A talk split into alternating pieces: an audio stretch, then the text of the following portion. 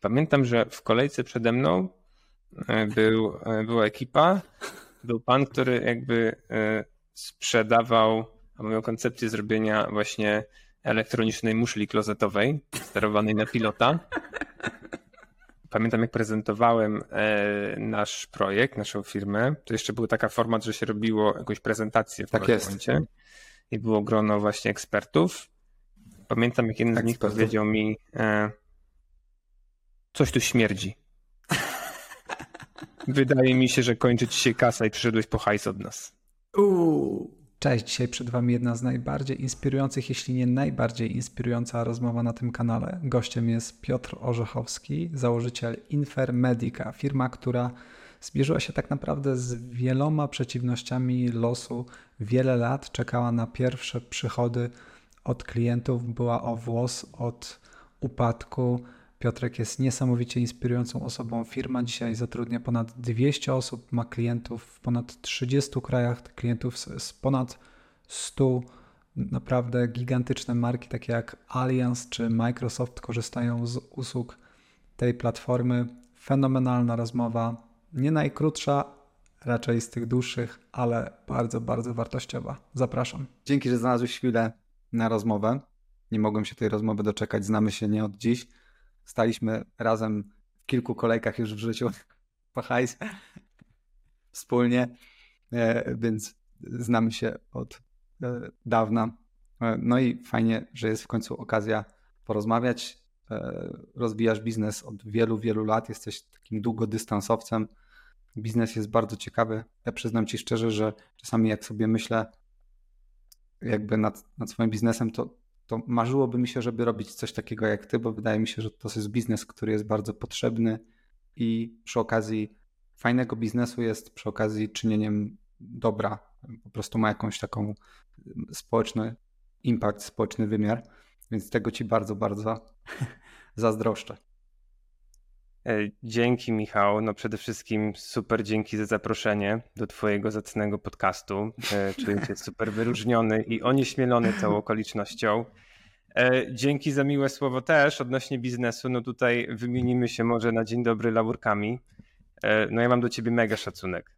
Nigdy ci tego nie powiedziałem, może za rzadko się spotykamy, ale mam mega szacun nie tylko za to, co robisz i jak robisz, ale jakim jesteś człowiekiem i to można wyczytać bardzo szybko, więc dzięki Ci za to i mówisz o jakimś takim impakcie trochę też takim społecznym e, firmy, którą robimy i produktów, które rozwijamy, więc to się zgadza, ale myślę, że Ty masz nie mniejszy impact, jeżeli chodzi o inspirowanie ludzi, w szczególności takich, którzy chcą budować biznesy, aby zrobić coś dobrego e, w Polsce i na świecie, więc e, na dzień dobry laurki, ale chciałem podziękować Doceniam. za zaproszenie i chętnie opowiem co nieco z naszej wspólnej historii.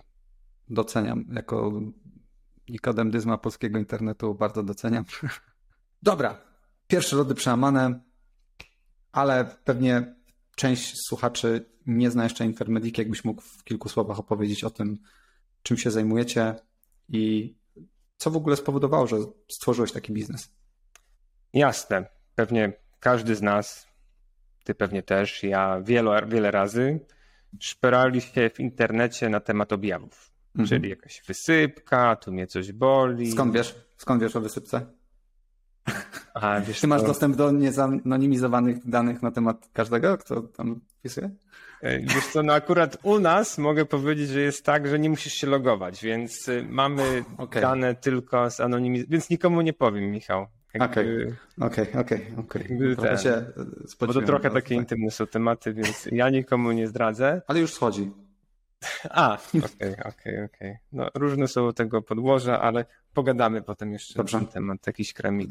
Doceniam. E, ja, ja oczywiście nie jestem lekarzem, natomiast w zespole mamy mm, ponad 50 wspaniałych lekarzy, którzy pomagają nam zbudować taką bardzo obszerną bazę wiedzy, oraz związane z nią algorytmy na temat objawów. Mhm. Czyli wracając do tego problemu, czyli martwimy się o swoje zdrowie, martwimy się o swoje zdrowie, swoich bliskich, dzieci, rodziny. I jest to totalnie naturalne, że jak coś nas martwi, to chcemy wiedzieć, co to jest. Czyli Michał, ta wysypka, jakby e, to normalne, że chcesz wiedzieć. E, I według badań okazuje się, no, że tak naprawdę internet do tego służy, żeby się dowiadywać. Trzy czwarte mm, dorosłych osób używa internetu, aby googlować na temat objawów. I tak pojawiła się, pojawiła się taka nazwa, taki, e, takie hasło Dr Google. I myślę, że coś w tym jest i my tego trendu zupełnie nie odwrócimy. Ja myślę, że tak samo jak są wspaniałe książki, tak samo powinniśmy korzystać ze wspaniałości internetu, aby rozwiązywać codzienne problemy. Natomiast jeżeli chodzi o zdrowie, to sprawa jest dosyć skomplikowana i wrażliwa, ponieważ sami wiemy, co się dzieje, jak szukamy na temat bólu głowy w internecie.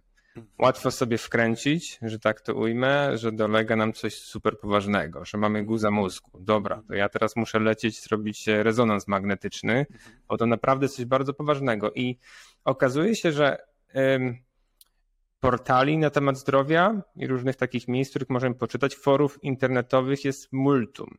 Mhm. Ale żeby zdobyć informacje, które są dopasowane do naszego konkretnego problemu dzisiaj, e, w jakiejś tam mm, szczególnej sytuacji, w której te objawy się pojawiły, jest bardzo trudno i nie mhm. będąc lekarzem, trudno jest takie rzeczy zinterpretować. Więc to, co się wydarza, to często po, takim, po takiej konsultacji z doktorem Googlem przysłowiowym, jesteśmy jeszcze bardziej zestresowani niż przed tą konsultacją. I, i wiedza, którą zdobyliśmy, niekoniecznie jest tym, e, co naprawdę nam dolega. Więc e, chciałbym to połączyć trochę z historią e, tego, jak firma powstała. Więc zanim powiem dokładnie, co robimy, e, powiem skąd się to wzięło. Mhm. Zawsze kochałem gry komputerowe. Mm, Mój tato e, jest profesorem chemii fizycznej e, na, na Uniwersytecie Wrocławskim i pamiętam jak byłem mały, przynosił do domu takie stare komputery, ZX Spectrum, jakieś takie rzeczy. E, I od niego zacząłem się uczyć programować. Chyba miałem 7 lat, to nic nie potrafiłem, tylko coś pisać na ekranie, więc to myślę, programowanie to byłoby szumnie powiedziane, ale zawsze trochę podchwyciłem od mojego taty, to zainteresowanie, jak robić rzeczy, jak one działają, a najbardziej interesowały mnie gry. Nie tyle granie w gry, ale zrozumienie, jak je zrobić. I e, long story short, e, od kiedy poszedłem na studia, pracowałem w branży gier. Też robiłem wtedy takie stare e, gry na telefony z Java Micro Edition. Nie wiem, czy ktoś wow. pamięta. To, to były jakieś takie archaiczne technologie. Co było super, bardzo mi się podobało. Kilkanaście, myślę, tytułów gdzieś tam kontrybuowałem albo napisałem, bo tam często było tak, że jedna osoba plus grafik to już był cały zespół, nie? Dla takich małych gier. No śmieszne rzeczy robiliśmy. Gierki typu Kapitan Bomba, Piesek Leszek, trzeba było wysłać SMS-a, żeby pobrać te gry. E, no i to pracowałem w kilku takich powiedzmy startupach, małych mhm. firmach, mhm. gdzie byłem programistą. Więc ta pasja do gier się rozwijała, a równocześnie e, studiowałem na IZECie, na Politechnice Wrocławskiej. Ty chyba też. Kolejna wspólna rzecz. A, tak, tak. A na którym kierunku? No na IZECie. E, na informatyce? Zarządzanie i tam było co, inżynieria oprogramowania. E, to, to dokładnie ta sama specjalizacja. Widzisz. Który rocznik? Podążałem twoimi śladami, Michał, po prostu. I, a to nie, nie wypominaj, że jestem starszy, a który to był rocznik? Ty byłeś... E, wiesz co, ja... Ja w 2006 kończyłem. Ty którym kończyłeś? Szóstym. Między 2001 a 2006. Pięcioletnie. No, no to tam y, chyba 4 lata przede mną. Chyba kończyłem 2010. Okay. Czas szybko leci, więc chyba 4 lata. To były różnice, ale już o tobie wtedy było głośno na wydziale. Tak, e, tak, tak było. I, e, no i równocześnie mm, na studiach się zainteresowałem, mm, no coś trzeba było wybrać, jakieś przedmioty fakultatywne e, i wybierałem wszystko związane ze sztuczną inteligencją, sieciami neuronowymi i takimi rzeczami. Jakoś mi to fajnie pasowało, więc, więc trochę powiedzmy tego zainteresowanie się tam pojawiło. I po studiach, przechodząc e, do tego, jak powstała Intermedica, natrafiłem na taką grę, która mi się niesamowicie spodobała. Może to znasz, może to znacie. E, taka gra, która mm, działa na zasadzie 20 questions, 20 pytań i nazywała się Akinator. To jest taki dżin, który zadaje ci pytania odnośnie, tak, pomyśl o jakiejś postaci, ja zadam ci pytania i zgadnę, kto to jest. No i tam myślisz o kimś i ten Jean, e, to jest taka gra online, pyta się, czy to jest mężczyzna, kobieta, czy postać fikcyjna, czy wysoki, czy niski i różne. No po prostu e, ten Jean Akinator był w stanie zgadnąć wszystko. Wszystko. Od Wiedźmina, po prezydenta, po piłkarza, po twoją żonę, po samego siebie. Bardzo fajny to był algorytm, który bazował na sesjach z graczami, aby mhm. budować takie bardzo duże nie wiem, czy to było e, probabilistyczne, ale takie drzewo decyzyjne. Mhm. E, myślę, że tam był jakiś taki element bardzo mocny, obliczeniowy. I ja w tą grę grałem z koleżanką, która jest lekarzem. I bardzo nam się to spodobało. E, no bo kogokolwiek byśmy sobie nie wymyślili, to ten Jean zawsze zgadywał. I pomyśleliśmy sobie tak, ale super gra. A co jakbyśmy zrobili coś podobnego, ale przydatnego dla ludzi? I wpadliśmy na pomysł, że może zamiast zadawać jakieś tam znane postaci, będziemy zadawać o pytania o objawy. I w ten sposób zrobimy takiego Gina typu Dr. Google. Więc to było jakby wszystko, co potrzebowaliśmy, żeby zacząć.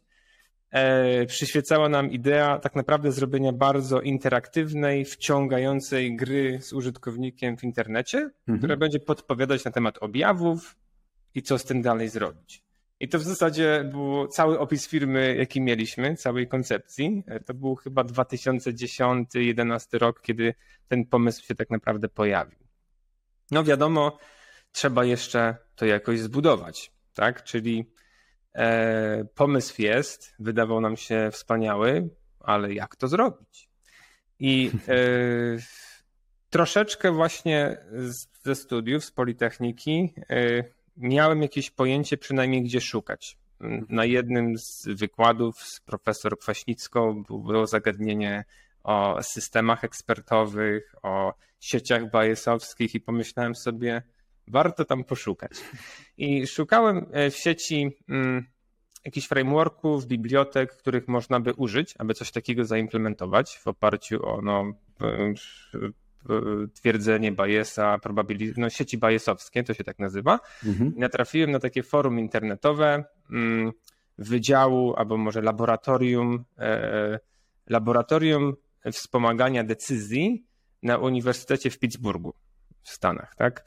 I mm, ja tam zadawałem różne pytania, a jak zrobić to, a jak zrobić tamto, bo widziałem, że oni publikowali e, różne rzeczy w tym temacie i na wszystkie moje pytania odpowiadał ktoś o niku na tym forum uczelni Adam. Ja myślę, że tak. Adam. To ten gość musi być z Polski, jak ma na imię Adam. I po którymś mailu napisałem do niego po polsku, gdzieś tam wygrzebałem jego maila. Cześć Adam, słuchaj, chcę zrobić taki system podobny do 20 Questions, który na bazie pytań i odpowiedzi będzie zawężał prawdopodobieństwa. Co o tym myślisz? I Adam odpisał po polsku, więc y, trafiłem ogólnie. E, okazało się, że Adam był z Białego Stoku e, i robił tam PhD, doktorat i e, chyba już był po doktoracie, ale akurat był specjalistą dokładnie w tym obszarze sztucznej inteligencji, czyli modelowania probabilistycznego, więc połączyliśmy siły, właśnie koleżanka, która jest lekarzem, kolega, którego znalazłem na forum Uniwersytetu w Stanach, i zaczęliśmy wtedy budować prototyp czegoś zbliżonego do Gina, tylko e, w obszarze objawów. Tu zrobię na chwilę kropkę e, na wypadek, gdybyśmy mieli jakieś pytania, zanim pójdę dalej. To jest jedna z najfajniejszych historii i najbardziej dziwnych historii założenia biznesu, jakie słyszałem. Zrodzony ja się rozkręcam, bo dziwnych rzeczy tu jest więcej. Tak więc spokojnie. Szanuję, szanuję mocno. E, czy, czy, czy jak rozumiem, pierwsze wersje e, tego, tej usługi, tego, te, tego software'u tworzyłeś samodzielnie, czy, czy, czy, czy skompletowałeś zespół? Totalnie. No, nasz zespół był trzyosobowy, czyli e, koleżanka, mm, która, no to w ogóle jest ciekawe, koleżanka, Adam i ja, no ja kodziłem wszystko, tak? Mhm. E, natomiast wtedy jeszcze nie mieliśmy firmy, po prostu po godzinach, ja też pracowałem wtedy gdzie indziej, po godzinach starałem się coś wydziubać. A gdzie pracowałeś? E, pracowałem w takim startupie, który nazywał się Sky Storage. To też z kolei e, ciekawa rzecz była dla mnie, bardzo wartościowa. Robiliśmy takiego polskiego klona Dropboxa w 2010-2011 mhm. roku, który nazywał się Storino. Mm. Kojarzę. No, no to y, ja właśnie tam pracowałem między innymi nad tym algorytmem synchronizowania plików. To powiem szczerze, mm, to to było duże wyzwanie. Jakby wydaje się, że ten Dropbox jest taką prostą rzeczą, która sobie tam pliki zapisuje, wysyła, ale jak się na to nałoży, wersjonowanie plików, to, że mm. możesz mieć nieskończoną liczbę urządzeń, że to musisz mieć w chmurze, no to algorytm jakby do tego jest naprawdę bardzo złożony, więc mm. to mi gdzieś tam rok zajęło. E, historia tam była taka, że no to był taki polski, e, jeden z takich polskich SaaSów. Myślę, że bardzo fajna usługa, biorąc pod uwagę no, bardzo ograniczone środki w tym czasie, mhm. które były dostępne.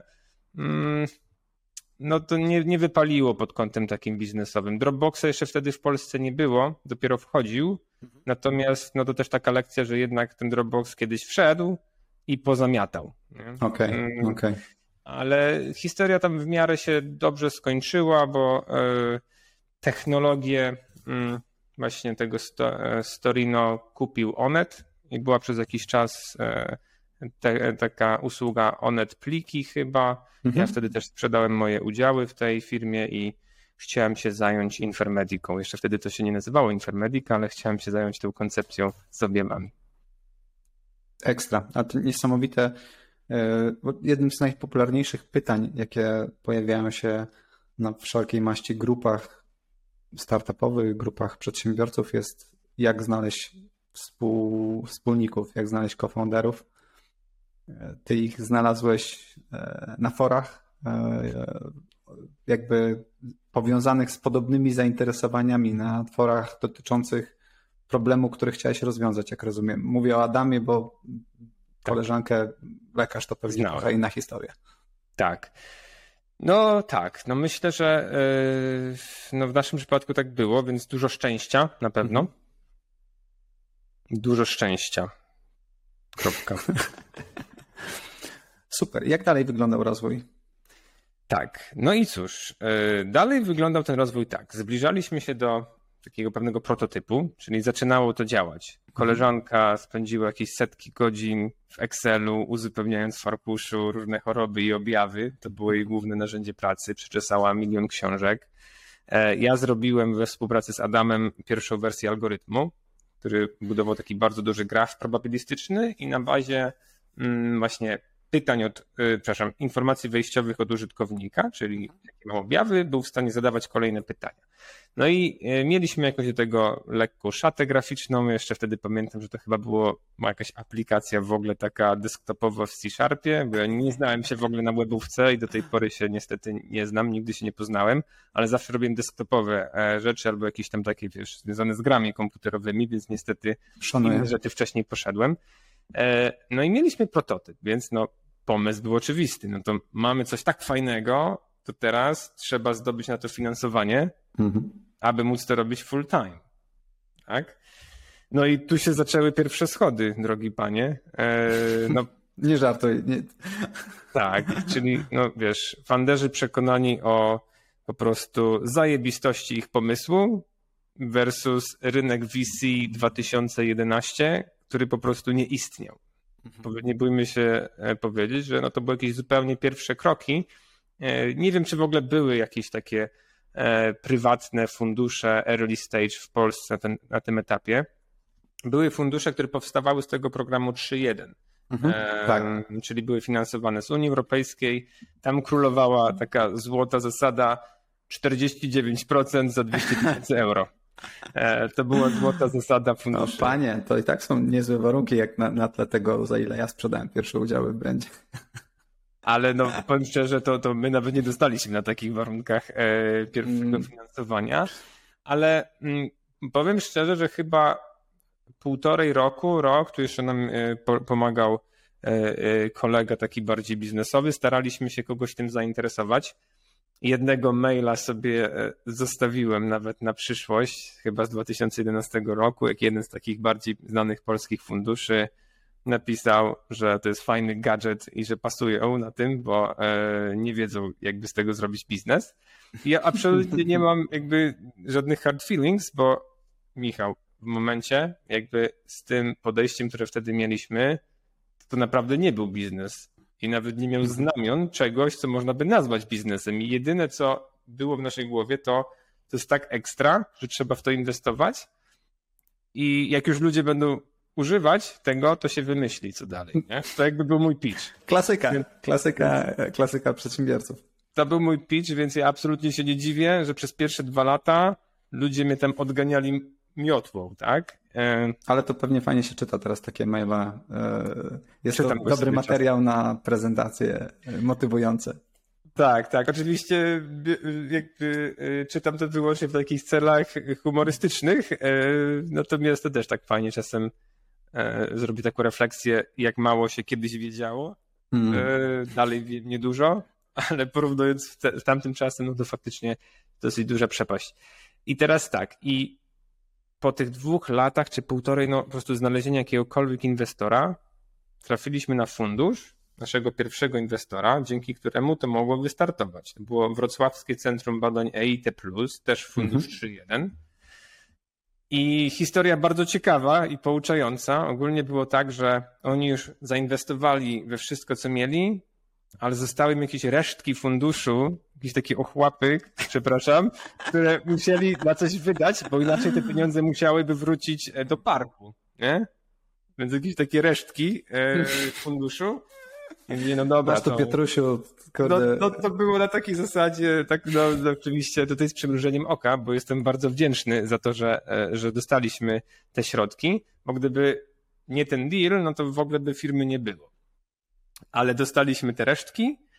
E, ja wziąłem to na jakichkolwiek warunkach można było. E, I, i, no i założyliśmy spółkę, tak? To na, na, jakie, na jakie to było kapitalizacji, pamiętasz? Wiesz co, da, oddaliśmy 49% firmy za, to było wtedy, nie wiem, 450 tysięcy złotych. Mm. Więc bardzo taki dobry deal, nie? No pięknie, ale wtedy człowiek myślał, że złapał Pana Boga za nogi, nie? Wycena, tak, kapitalizacja tak. prawie milion złotych. E, przed no jakąkolwiek e, komercjalizacją biznesu to jest całkiem nieźle. Wiesz co, ja bardzo często i, i dalej myślę, czasem używam takiego mindsetu, działam jak taki algorytm zachłanny, nie? Czyli e, jeżeli jest jakaś najprostsza ścieżka, najszybsza, żeby gdzieś pójść, to tam pójdź, a potem się będziemy martwić. I uważam, mhm. że wiele razy mnie to ugryzło jednak z powrotem i trzeba było inaczej zrobić, ale w tej akurat sytuacji nie było żadnej alternatywy, nie? Mhm. Więc wybierałeś między porzuceniem jakichś twoich marzeń, jakiegoś twojego pomysłu, a jednak wzięciem tego e, i zobaczeniem, co będzie dalej. Więc po prostu to wzięliśmy. To jest, powiem ci, jest takie ciekawe, y, tak sobie gdzieś tam jeszcze patrzę w jakieś archiwalne pliki na Dropboxie czy coś. Pamiętam, że nasz burn rate wtedy, mm, cały ten model finansowy, budżet, mieliśmy burn rate na poziomie 30 tysięcy złotych miesięcznie. Czyli koszty miesięczne na poziomie 300 koła. E, e, e, roczne, tak? W sensie mieliśmy miesięczne 30 tysięcy złotych, to były nasze mhm. całe koszty, łącznie z biurem, paroma pracownikami. No to tyle obecnie myślę na rynku, y, że płaci się pewnie za senior dewelopera e, jakiejś tam technologii. Nie mów, nie mów takich rzeczy. Dobra, okej, okay, to się wytnie. E, a, a, wtedy to był nasz cały budżet miesięczny i to nam starczyło na, mm, no, na rok z hakiem. I, e, no i tam kluczowym takim highlightem naszego okresu rozliczeniowego roku, no to był zwrot VAT-u bo wtedy wiedzieliśmy, że runway się wydłuża o miesiąc. Wtedy człowiek czekał na te transze e, z, z, z, z tych funduszy trzyjedynkowych chyba, bo to transzami było chyba wypłacane, czy, czy... No, tu akurat mieliśmy... Dobrze, była jedna transza. U, super. To komfort. E, I i dobrze, to może pójdę tym tropem historycznym, opowiem troszeczkę, jak to się rozwijało, bo... A mogę no, jeszcze bo... zapytać o te tak, fundusze trzyjedynkowe, bo one tak. zbierają dużo krytyki. W dużej mierze zasłużonej, bo jak się przegląda listy biznesów, które zostały sfinansowane z tego źródła, no to mówi się ogólnie, że 90% startupów polega, ale w przypadku tych list, no to to są często spektakularne porażki, ich jest równie dużo. Mhm.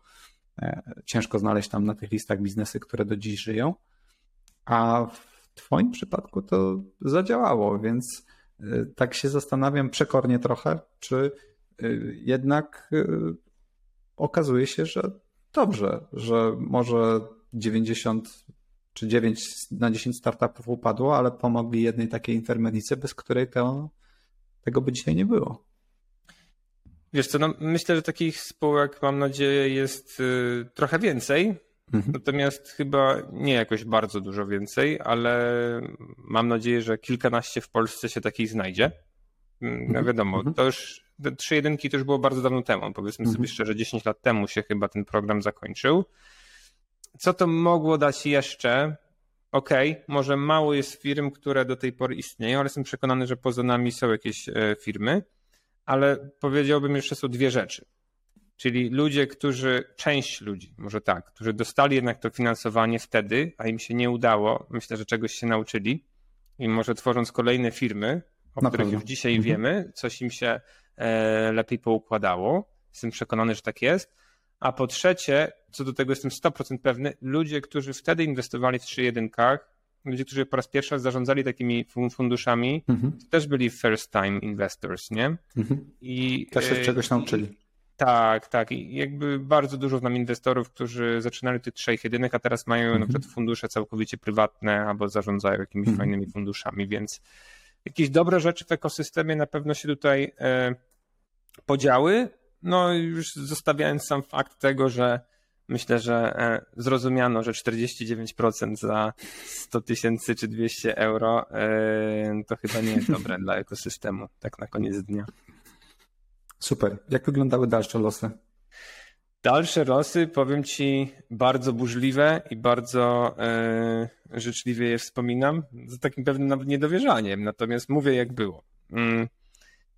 Mija pierwszy rok, a, to jest tyle wątków, o których mógłbym powiedzieć. Okej, okay. to, to, to jeszcze zanim minął pierwszy rok.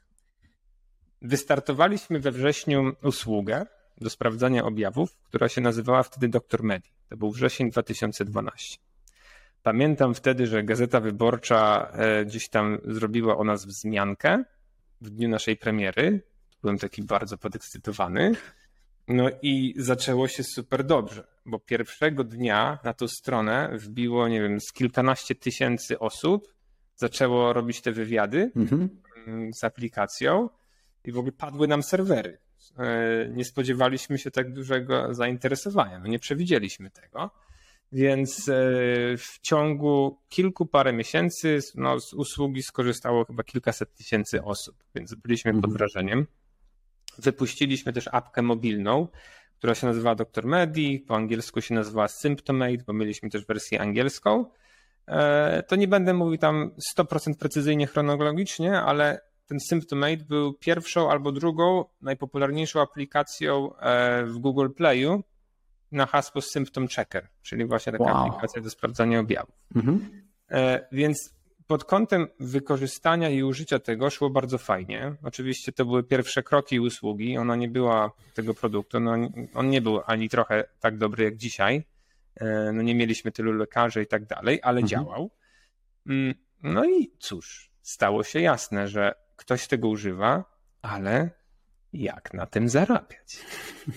Fajnie. Odwieczne pytanie. Ja myślałem, że jednak ten ruch będzie 100 razy większy i będziemy po prostu reklamy wstawiać, ale, e, ale okazało się, że jednak tak nie jest, więc zaczęliśmy myśleć intensywnie, co tu zrobić, żeby jakoś to monetyzować, bo niedługo nam się kasa skończy, musimy pokazać, że cokolwiek zarabiamy. E, no i wpadłem na pomysł, że to może taki jak znany lekarz, też wtedy znany lekarz w zasadzie się rozwijał dopiero, troszkę szybciej się rozwinęli niż my, ale okej. Okay. Eee, z troszkę lepszym efektem. W każdym razie e, wpadłem na pomysł, że może jak pacjent zobaczy, co mu może dolegać, to będziemy rekomendować lekarzy, do których teraz może się udać. E, no i cóż, żeby dać ci ogląd takiego mojego biznesowego ogarnięcia w tym czasie, żeby to było dobrze zilustrowane, to aby zrealizować tę koncepcję, pomyślałem, to musimy zatrudnić sprzedawcę, kogoś, kto sprzedaje. Mhm. Tak? Więc zadzwoniłem do jednego sprzedawcy, którego znałem, e, który jest super sprzedawcą. był wtedy jakby znałem go z tego, że jest super sprzedawcą, tylko że do tej pory pracował w sklepie odzieżowym.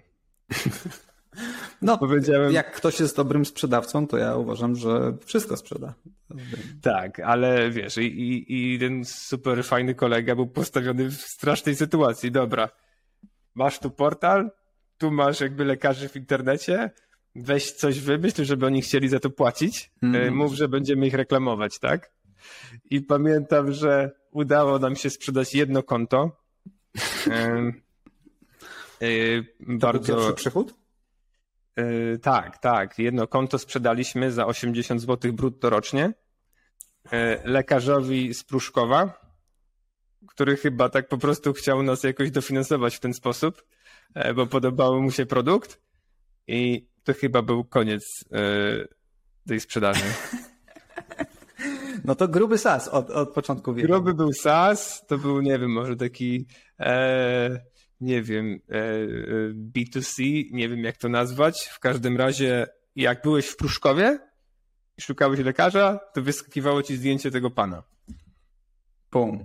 Działa? Działa. Tylko, że no nie mieliśmy użytkowników z Pruszkowa, to też inna sprawa, więc no, czułem się z tym trochę źle, naprawdę, bo gość, naprawdę czułem się z tym źle przez rok, bo gość nam zapłacił 80 zł, a ja wiedziałem, że no nie dostaje tyle wyświetleń, ile powinien za to 80 mm -hmm. zł, więc nie czułem się z tym dobrze.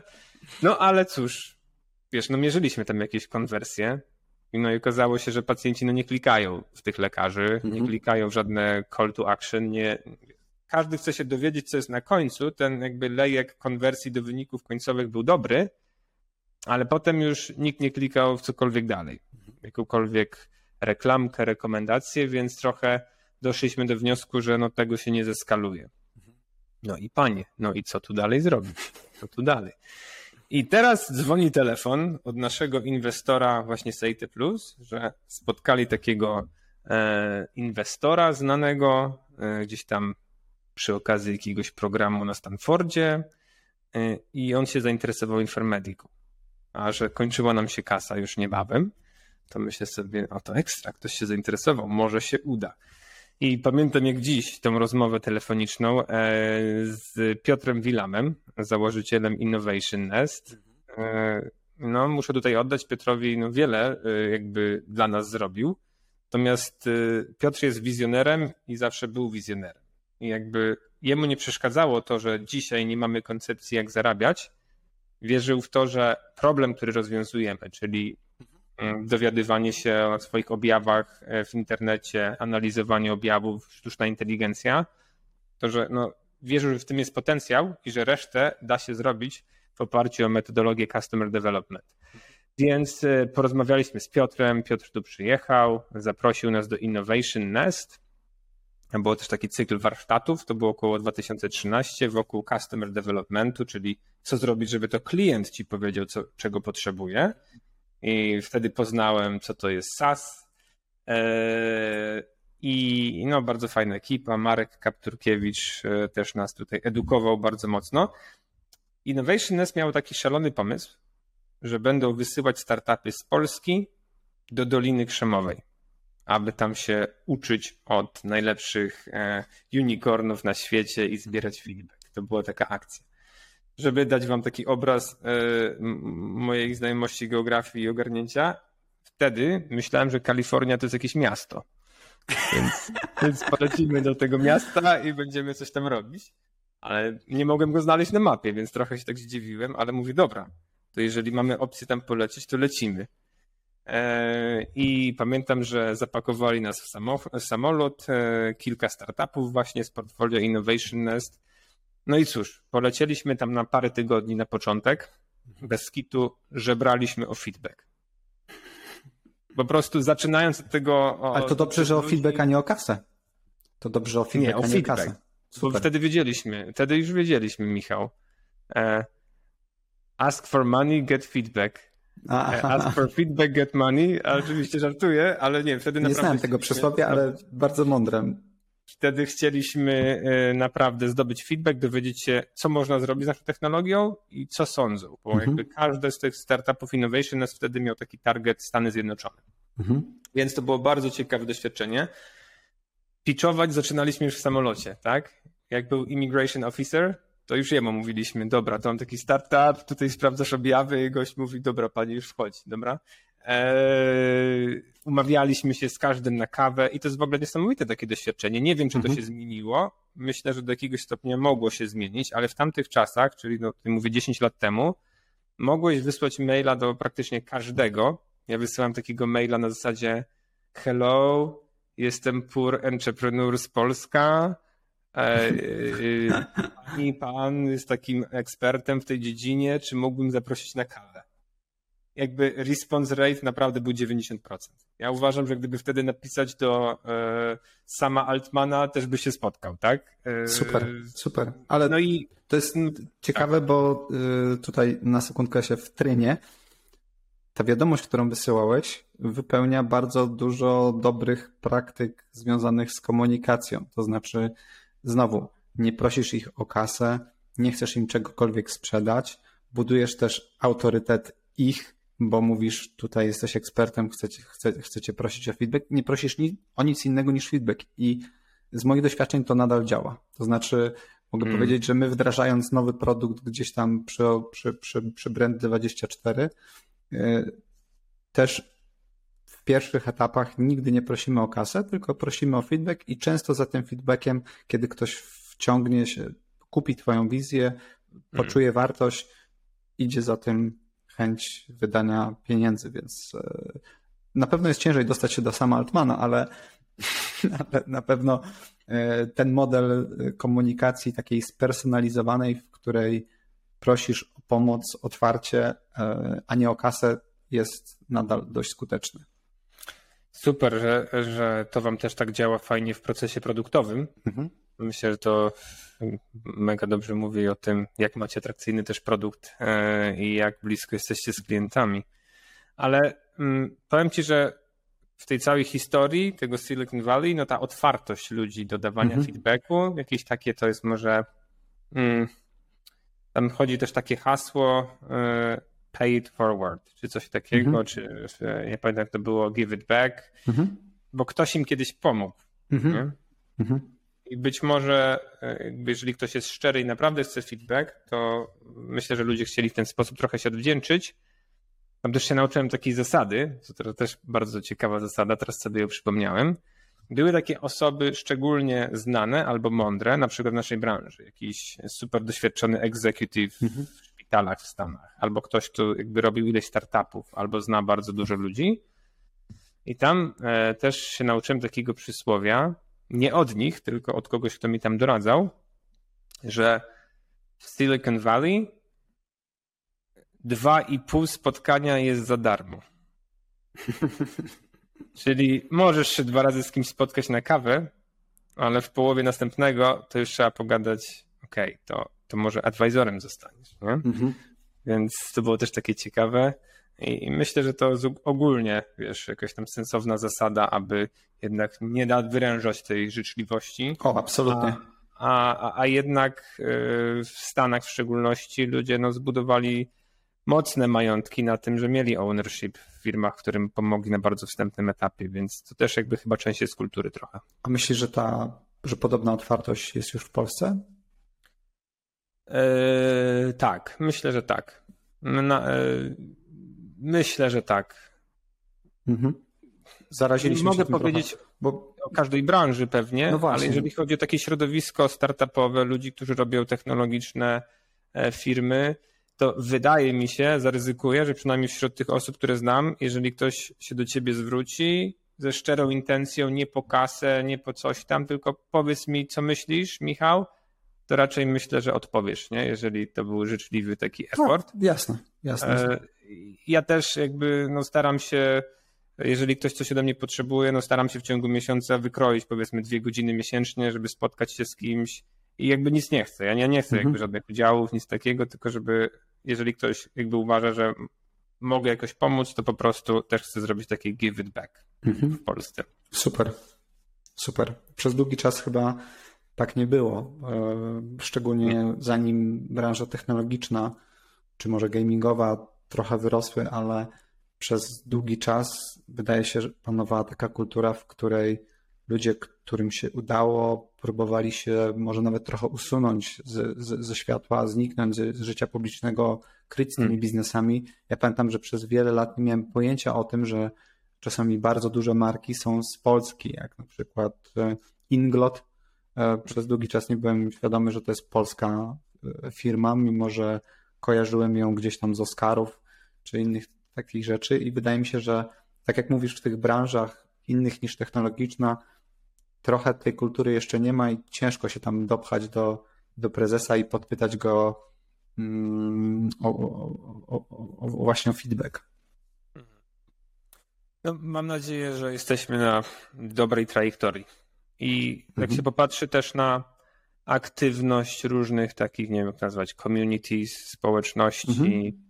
E, programów akceleracyjnych, funduszy inwestycyjnych, e, Google for Startups i tego rodzaju, wydaje mi się, że no, sytuacja jest totalnie inna niż była jeszcze, myślę, 5-6 lat temu w Polsce. I, e, I jakieś takie czuję poczucie, że founderzy chcą się dzielić wiedzą. Takie mam poczucie. Super. Jak wyglądały kolejne losy? Co zresztą ty realizujesz, Michał, między innymi w moim podcaście, więc, więc też e, kudos dla ciebie za to. Dziadkowie byli nauczycielami, więc jakoś mam taką chyba zaszczepioną e, no. potrzebę wymądrzania się. Tego za często się wcinam. Nie, nie, nie. E, no dobra, co było dalej? Mm, postaram się to troszeczkę jeszcze tutaj skondensować. Czyli polecieliśmy do Stanów i dostaliśmy feedback na zasadzie Piotr, fajne rzeczy robicie, ale to nie jest biznes, tak? Czyli to takie nice to have jest, to pacjenci za to nie zapłacą. Okej, okay, no to wróciłem z podkulonym ogonem, mówiąc szczerze. No ale kombinowaliśmy dalej, nigdy się nie poddawaliśmy i wpadliśmy na pomysł, to może zróbmy wersję dla lekarzy.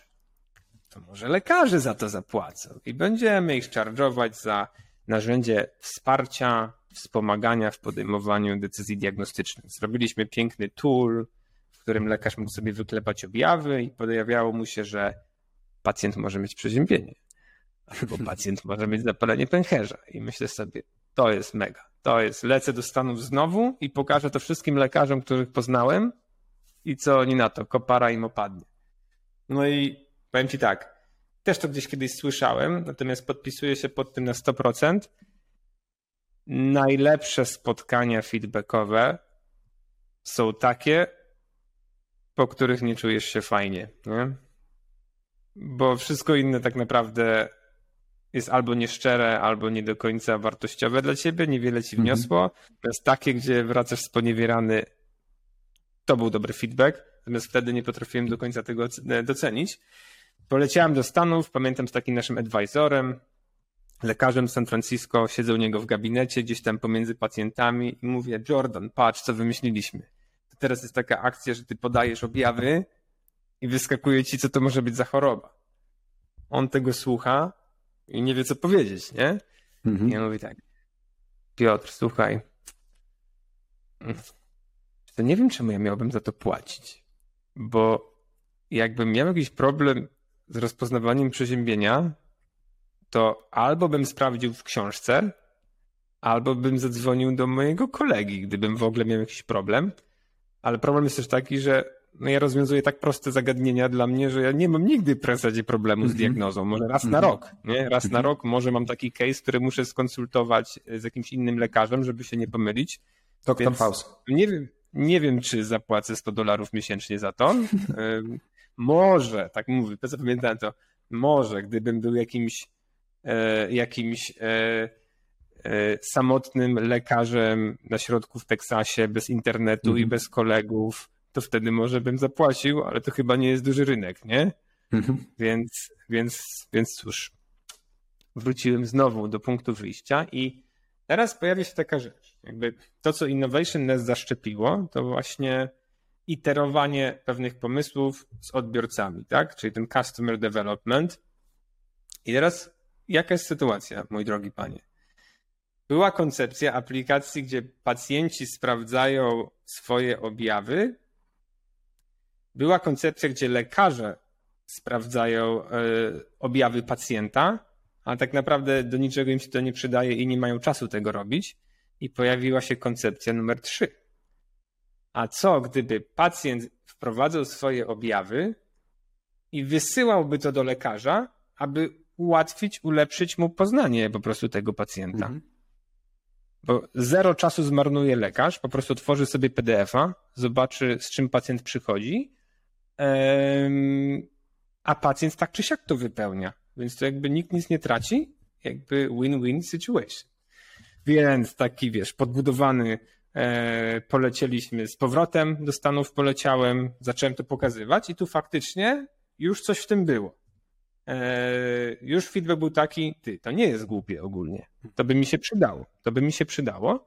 Lekarze powiedzieli, że to adresuje problem, taki, że trzeba na komputerze wklepywać te wszystkie objawy, trzeba robić dokumentację pacjenta, a jeżeli ja się dowiem, z czym jest problem, to trochę mi to czasu zaoszczędzi w trakcie wizyty, będę mógł więcej uwagi poświęcić pacjentowi, a pacjent chce, żeby lekarz lepiej się nim zaopiekował, nie? Więc jakby wysłanie tego PDF-a nie jest problemem. Więc feedback był pozytywny, natomiast był inny problem, e, bardziej taki przyziemny, a mianowicie taki, że skończyła nam się kasa. Na koncie mieliśmy minus 60 tysięcy złotych, czy cało, cały limit kredytowy, linię kredytową, jaką mieliśmy, była wykorzystana. Ja sobie już od miesiąca nie płaciłem, bo musiałem znaleźć sposób, żeby przedłużyć jakoś nasz runway. E, bardzo skromne wydatki. Wiesz, następ... Pamiętam, że była taka sytuacja, że następnego dnia musiałem zapłacić e, kolegom z zespołu e, Wtedy chyba byli sami koledzy tak naprawdę. Jeszcze koleżanki chyba nie było. Zapłacić wynagrodzenia, a nie miałem z czego, nie? Bo minus 60 na koncie banku. Więc mieliśmy jakiś zaczątek pomysłu, ale sytuacja już była dosyć patowa i tak już widziałem, że no, dużo czasu to zajęło. Jakby ja tak skróciłem to całą opowieść, ale to wszystko, o czym mówię, E, działo się tak no, na przełomie trzech lat, powiedzmy, trzech, mhm. czterech lat. Więc jakby to iterowanie, sprawdzanie, badanie.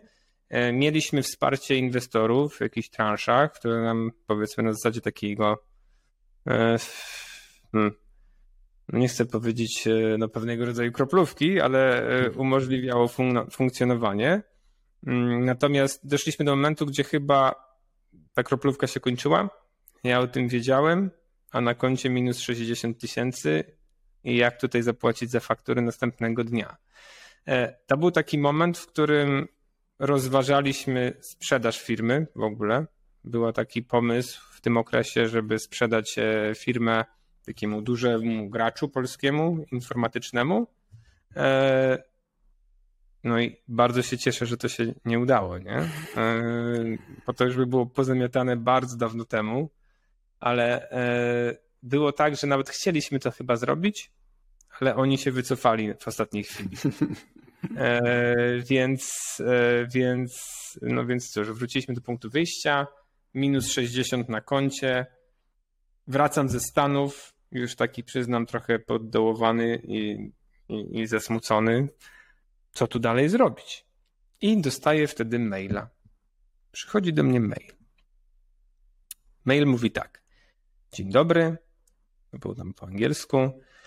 Jesteśmy dużą niemiecką firmą medyczną.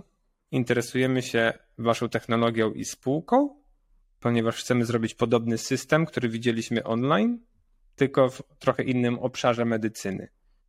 E, czy chcielibyście na ten temat porozmawiać?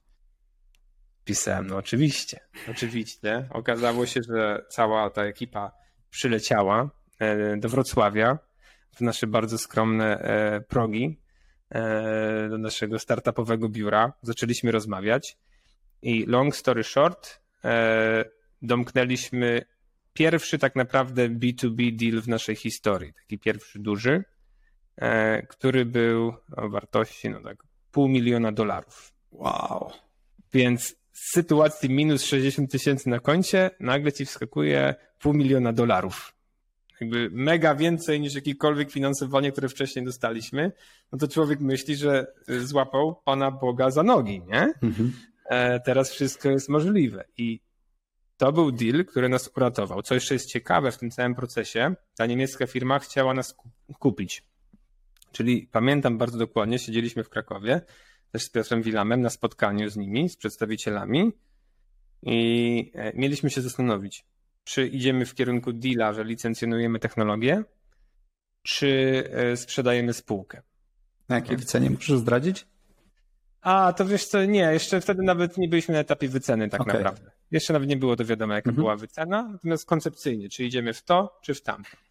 E, to na pewno nie byłyby jakieś nie wiadomo jakie kwoty, e, natomiast no, pewnie nie byłyby złe, bo bylibyśmy częścią bardzo dużej takiej giełdowej firmy, mm, jednej z największych na świecie tak naprawdę, e, w obszarze medycyny, mm, no, produkcji urządzeń i tak dalej. Mm, zresztą nie mogę zdradzić, ale no bardzo... Domyślamy się. Jest parę takich niemieckich firm w obszarze tak. medycyny. I, no i pamiętam moją rozmowę z Piotrem Wilamem wtedy. Piotr się pyta, no Piotrze, no to co robimy? Co robisz?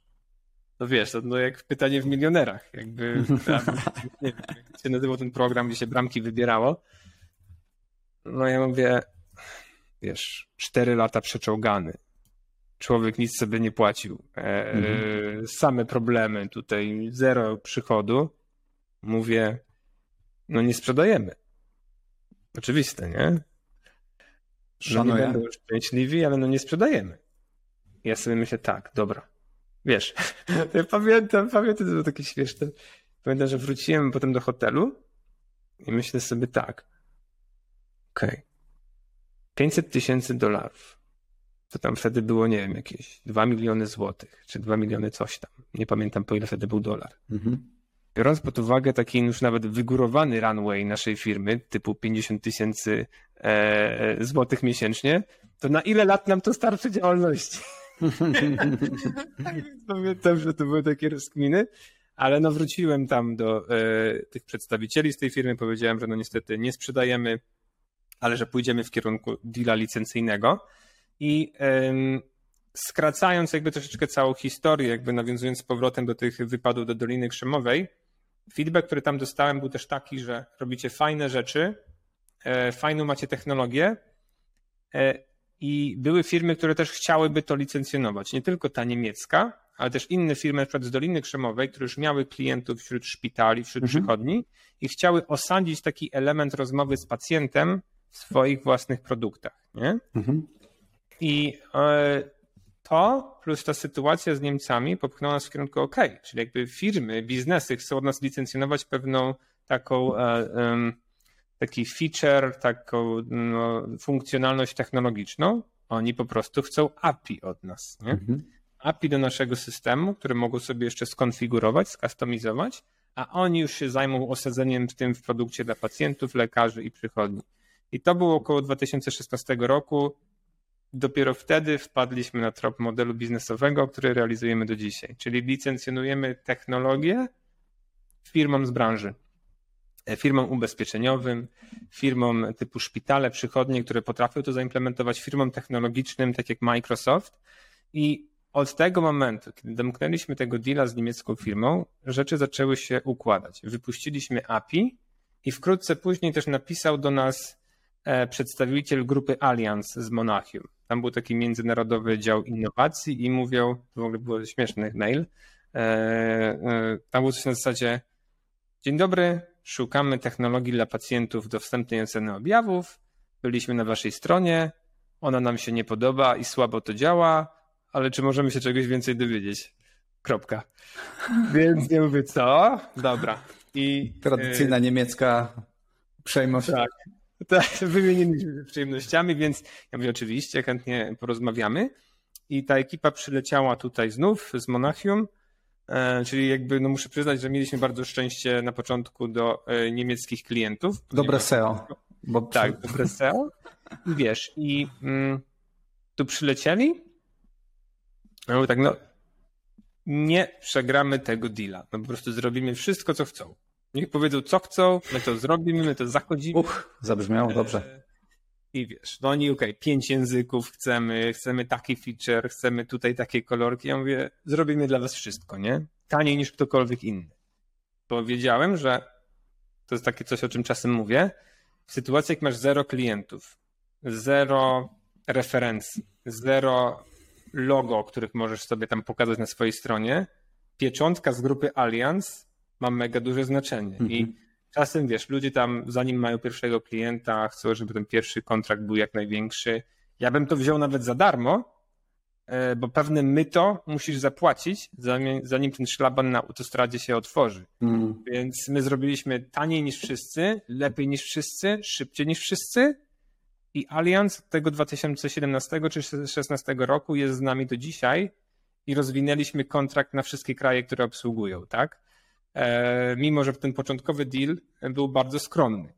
I mieliśmy logo Alianza na stronie już, że ktoś z tego korzysta. Jakiś tam pierwszy klient w Stanach, który licencjonował API i zaczęły się odzywać inne firmy e, z branży ubezpieczeniowej. Firma ze Słowacji, firma z Portugalii, firma e, z Polski. No i okazało się, że w tamtym czasie nie było żadnej innej firmy, która się pozycjonuje jako, mm, jako taki backend, jako API, które możesz skustomizować, white labelować. Były e, firmy, które oczywiście robiły takie same narzędzie jak my do sprawdzania objawów, ale nikt nie pozycjonował się jako techniczny tool, który możesz osadzić u siebie. Więc to nam pozwoliło wystartować. Szybko zdobywaliśmy kolejnych kon kontrakty e, na bazie tej referencji od Alianza.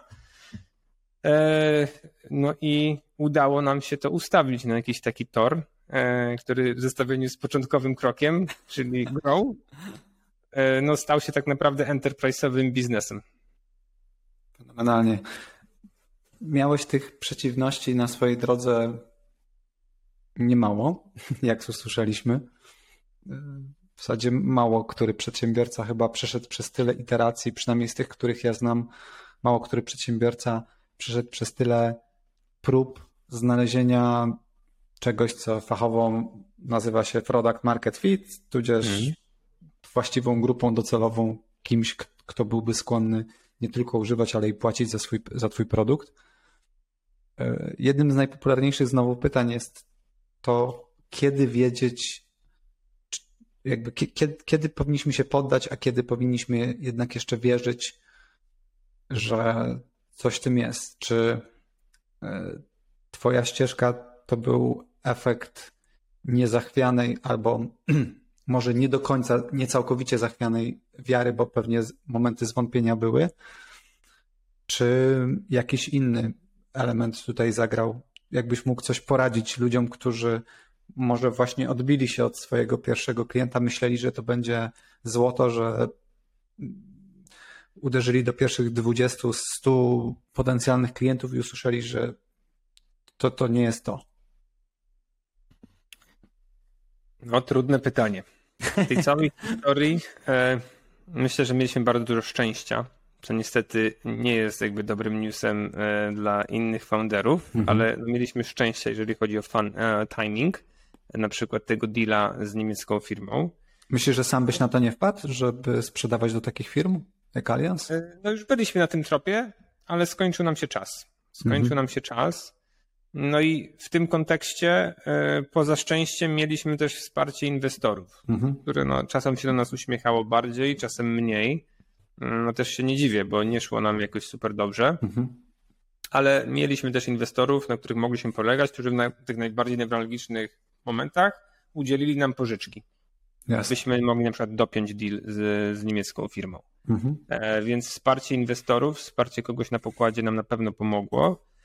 E, no cóż, czemu, e, czemu się nie poddałem w tamtych trudnych czasach? No, no, myślę, że to jest jeden faktor. Można nazwać wiarą w to, co się robi. Na pewno tak było, ale to też można nazwać jakąś taką founderską naiwnością. Czyli pamiętam bez kitu, Michał, bez kitu pamiętam, jak nie wiem, 2013-14 pitchowałem, opowiadałem to, co robimy. Ludzie myśleli, że jestem nienormalny, nie? No, ludzie myśleli, że jestem jakimś takim, kurde, kosmitą. Co ten typ robi?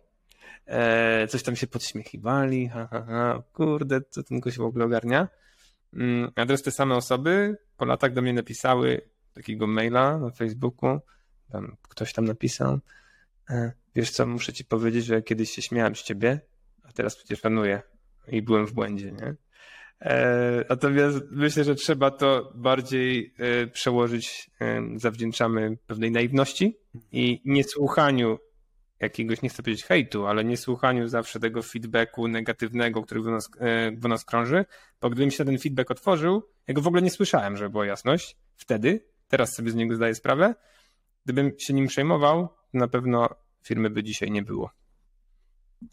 Gruba skóra. Nie, myślę, że nie. Po prostu jakieś takie wybiórcze słuchanie. E, ale tak ogólnie mam. E, na pewne rzeczy się otwieram, na pewno się zamykam i nich nie słucham. Jesteś takim Ktoś trochę... może powiedzieć, że nie przyjmuję feedbacku na przykład, ale po prostu oceniam, czy się z nim zgadzam, jakby podświadomie, czy nie. Jeżeli jest jakby bardzo koliduje z jakimiś moimi wartościami, to po prostu go nie słucham. Okej. Okay. Jesteś trochę niepoprawnym takim optymistą w kontekście tych, tych, tych tematów. Hmm. Spokorniałem. Myślę, że już nie. Już nie. Już nie. Ale czy na tym etapie, na którym to dowiozłeś do momentu pierwszego kontraktu, byłeś? Tak, totalnie. To w ogóle wtedy to, wiesz, wtedy najlepsze czasy były. Niezachwiana wiara. Tak.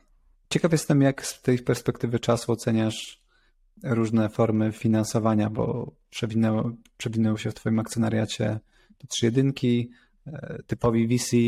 E, z Twoich opowieści e, jakby buduje się obraz bardzo wartościowych podmiotów, bez których ta firma by nie istniała. Zarówno to trzy jedynka, jak i Innovation Nest wniosło dużo wartości. Mhm. Stawiam się jakby jak dzisiaj przychodzi do ciebie startup, który pyta Piotrek, czy powinienem wziąć kasę, czy powinienem dalej robić to, nie wiem, w oparciu o autofinansowanie albo brak e, nawet wynagrodzeń, e, do, dociągnąć to do wersji product market fit, jeśli to możliwe, bez zewnętrznego finansowania, czy wziąć kasę jak najwcześniej i, i, i rozwijać to w oparciu o bardziej sprofesjonalizowany model, zatrudnić programistów, sprzedawców czy kogokolwiek. Mhm. No to zależy oczywiście. Pewnie najczęstsze odpowiedź pytanie. Od tego, jakiego rodzaju firmę masz. No, w naszym przypadku hmm, no, ścieżka była dosyć taka szczególna, ale równocześnie jakby nakład na ten RD, na zbudowanie bazy wiedzy, zatrudnienie lekarzy, zbudowanie algorytmów, mhm. nie da się tego zmonetyzować yy, poprzez budowanie w garażu. Nie? To jednak wymagało większego nakładu. Bardziej bym nas zestawił z jakąś firmą no, z obszaru biotechnologii, tego nie możesz bootstrapować. Natomiast wszystko inne, co można jakby zacząć rozpędzać, jeżeli chodzi pewnie o większość SASów, mm, to ja myślę, że w pierwszej kolejności trzeba spróbować samemu. A dopiero jak jest pewien moment mm -hmm. i, mhm. i, myślisz, że e, zmiana twojego cap table i, i, i wsparcie e, by ci się przydało, to wtedy pójść do inwestorów. Natomiast gdybym miał wybierać, wiesz, tak, no, myślę, że każdy dokonałby by tego wybierał, czy mieć 100% firmy, A. czy nie mieć, wolę mieć 100%, tylko o, jakby, nigdy nie mieliśmy takiej, e, nigdy nie mieliśmy takiego komfortu też ze względu na historię i specyfikę mhm. biznesu. E, natomiast e, jestem mega dużym fanem tak, e, inwestorów z, z obszaru venture capital.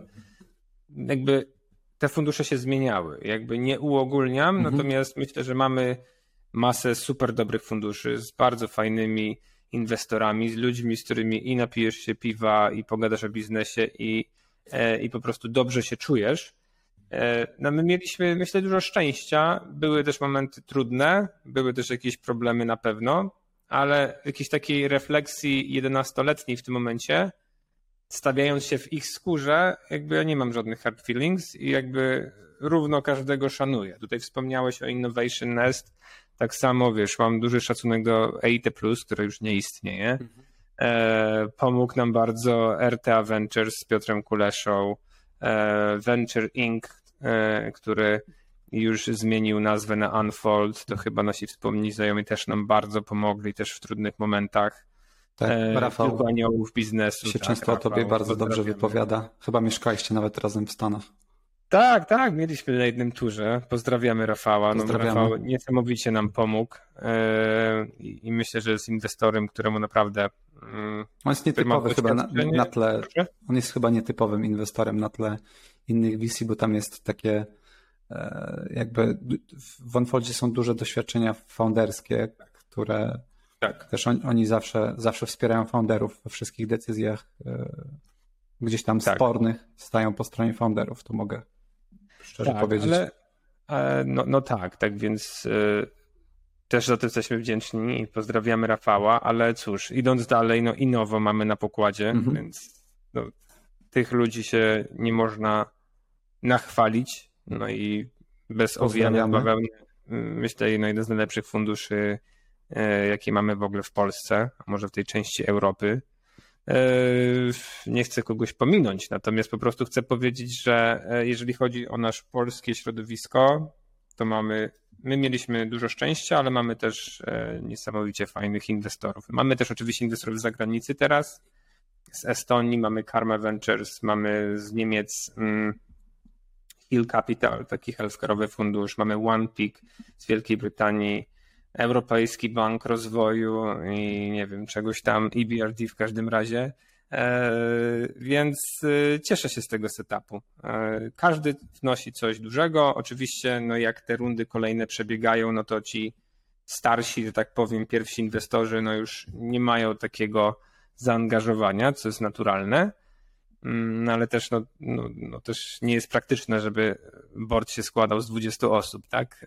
Jasne. Więc, więc, więc tą ścieżkę polecam, jeżeli masz już coś, co może być finansowane w ten sposób jeżeli możesz rozwinąć swój biznes samemu bez dodatkowych środków, no to jest no-brainer, że trzeba tak robić. A może jak już ci będzie fajnie szło, będzie fajnie ARR i dobry wzrost, to wtedy można troszkę wziąć, żeby to jeszcze bardziej rozpędzić. E, ale im więcej equity masz, oczywiście, tym myślę lepiej. E, dużo jest innych rzeczy, programy akceleracyjne mm, różnego rodzaju. No, na ten temat mam różne opinie. Brałem, braliśmy, czy ja brałem udział w bardzo wielu programach akceleracyjnych różnego rodzaju. Mm, może to kwestia też osoby, może też kwestia podejścia do tematu. Nie wszystkie mi dużo dały, niektóre mi dały y, sporo, ale nie zawsze to był taki super wykorzystany czas. Ja sobie bardzo chwalę program akceleracyjny trzytygodniowy, na którym byłem. Zresztą o. też jakoś y, współfinansowany ze środków publicznych, tudzież unijnych. O, gdzie byłeś? E, właśnie w, w, w, Dolinie Krzemowej, w tej A. Kalifornii, o której wspomniałeś. No. Tak, tam był taki, tam była taka mała organizacja, która była partnerem, mm, była partnerem AIP, zdaje się, mhm. polskiego po, po stronie amerykańskiej i wspólnie stworzyli program akceleracyjny, gdzie w pierwszej turze pojechaliśmy my, Migam, i Gloth. Super. Mm, więc e, zacne firmy. Wszystkie trzy firmy sobie dzisiaj dobrze radzą. Także było to, to dość mocne grono i dużo się, szczerze mogę powiedzieć, że się dużo nauczyłem, dużo zrozumiałem, jakby wiesz, takie biznes canvasy, mhm. value proposition, mówimy trochę buzzwordami niestety, ale, ale jakby zrozumiałem, jak tworzyć taki trochę uproszczony biznesplan, gdzie określamy, kto jest naszą grupą docelową, jaką główną wartość im dajemy. Tak trochę sformalizować rzeczy, które startupowcy robią w sposób taki bardzo prowizoryczny i, i, i taki naturszczykowy trochę. Mhm. Super. A powiedz, myśmy się spotkali. Wiesz, o co spytam teraz? Spotkaliśmy się kiedyś w kolejce po kasę. To był program Prawda. chyba Go Global jeśli dobrze pamiętam. Program Go Global, no to właśnie te czasy 2013, okolice. Tak. I staliśmy po chyba dofinansowanie do ekspansji zagranicznej. To był program dedykowany dla polskich biznesów, które wychodzą za granicę. Mm -hmm. I to był chyba 2014 rok? Ja nawet nie wiem, czy nie 13. A może 13, 14. Mm -hmm. no, my już mieliśmy chyba pierwszych nawet klientów za granicą. Mm, wy, wy, wy, wy, jakby wy, wyście mocno tworzyli tą wersję zagraniczną, mieliście apkę najpopular, drugą najpopularniejszą, czy pierwszą -hmm. najpopularniejszą apkę związaną z symptomami za granicą w Google Play czy w App Store. I jedni i drudzy się nie dostali. tak. A jak mi często przypominasz, wygrał kto? E, wiesz co, nie wiem kto wygrał. To nie był ten gość, co sprzedawał lody? A, to, a, a nie wiem, wiesz, te, tego akurat nie wiem, to, to wybacz. Tam chyba pe, pewnie kilka osób było, natomiast no faktycznie pamiętam, że się spotkaliśmy w korytarzu. Ja mówię, o kurde, Brand24 tu jest, w tej siedzibie, to, to my jesteśmy w dobrym miejscu. Oczywiście to były jakieś tam programy pewnie pilotażowe i tak miejmy pod uwagę, że to było gdzieś pod uwagę, weźmy, że to było 10 lat temu, więc bardzo dużo się zmieniło e, w tej e, zacnej instytucji. No ale czy dobrze to wspominam? No nie wspominam tego zbyt dobrze. Pamiętam jak prezentowałem pamiętam jak prezentowałem e, nasz projekt, naszą firmę, to jeszcze był taka format, że się robiło jakąś prezentację w tak momencie i było grono właśnie ekspertów. Pamiętam jak jeden z nich powiedział mi coś tu śmierdzi. Wydaje mi się, że kończy ci się kasa i przyszedłeś po hajs od nas. Uuu. A ja mówię, no wiesz, no między Bogiem a prawdą, no to byliśmy tu po to, żeby zdobyć środki, więc no raczej nie pławiliśmy się jakby w luksusach budżetowych, no ale no mówię, że no nie, no właśnie rozmawiamy z funduszem z Krakowa i, i będą w nas inwestować, a, a po prostu potrzebujemy środków na globalną ekspansję. Mhm. No ale no wyszedłem stamtąd mocno zniesmaczony. Oczywiście nie dostaliśmy E, nie dostaliśmy dofinansowania, nigdy nie zrozumiałem, dlaczego nasz wniosek został tak nisko oceniony. Long story short, e, potem chyba, nie wiem, czy byliśmy na jakiejś e, dogrywce tego, czy, czy coś w tym stylu, a może to był inny program, bo jeszcze potem się staraliśmy o finansowanie jakieś. Mm, pamiętam, że w kolejce przede mną był, była ekipa, był pan, który jakby sprzedawał miał koncepcję zrobienia właśnie elektronicznej muszli klozetowej, sterowanej na pilota. Yy, coś tak, kurde. Może on dostanie chociaż, czy, czy ten. Yy, nie dostał. I o tobie pamiętam... mówili kosmita. I o tobie mówili kosmita. Ale pamiętam, że wyszedł bardzo burzony, nie? To jakby to nie było jakieś takie dobre wspomnienia. Coś na zasadzie też musiał coś usłyszeć chyba niefajnego, więc jakby ogólnie disclaimer to było dawno temu, natomiast po prostu dzielę się historycznie z tym, jak to wyglądało z perspektywy foundera.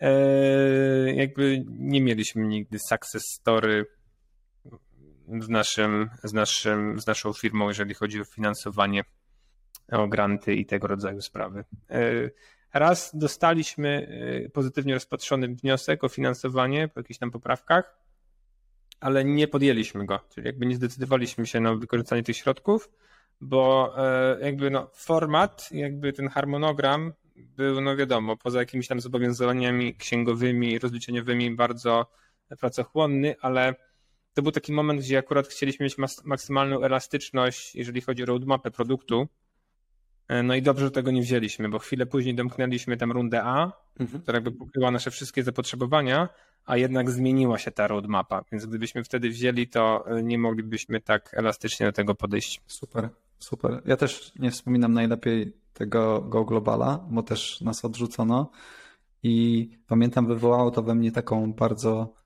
sportową złość, bo dostaliśmy bardzo niskie oceny, mimo że mm, obiektywnie wydaje mi się, oczywiście jestem totalnie nieobiektywny, ale obiektywnie wydawało mi się, wydawało się, że ten biznes ma duże szanse na, na, na sukces, bo działał SASie, miał już chyba setki albo nawet niskie tysiące klientów w Polsce. Hmm. I wydawało Super. się, że jest to naturalny ruch do wyjścia za granicę. Dostaliśmy bardzo mało punktów w tej, w tej, w tej ocenie, bo te, te, oceny też były publiczne. To akurat plus był, tak. że, te, że te oceny w tych wniosków były, były publiczne. I pamiętam, że y, ci eksperci byli bardzo niemili właśnie na tej prezentacji.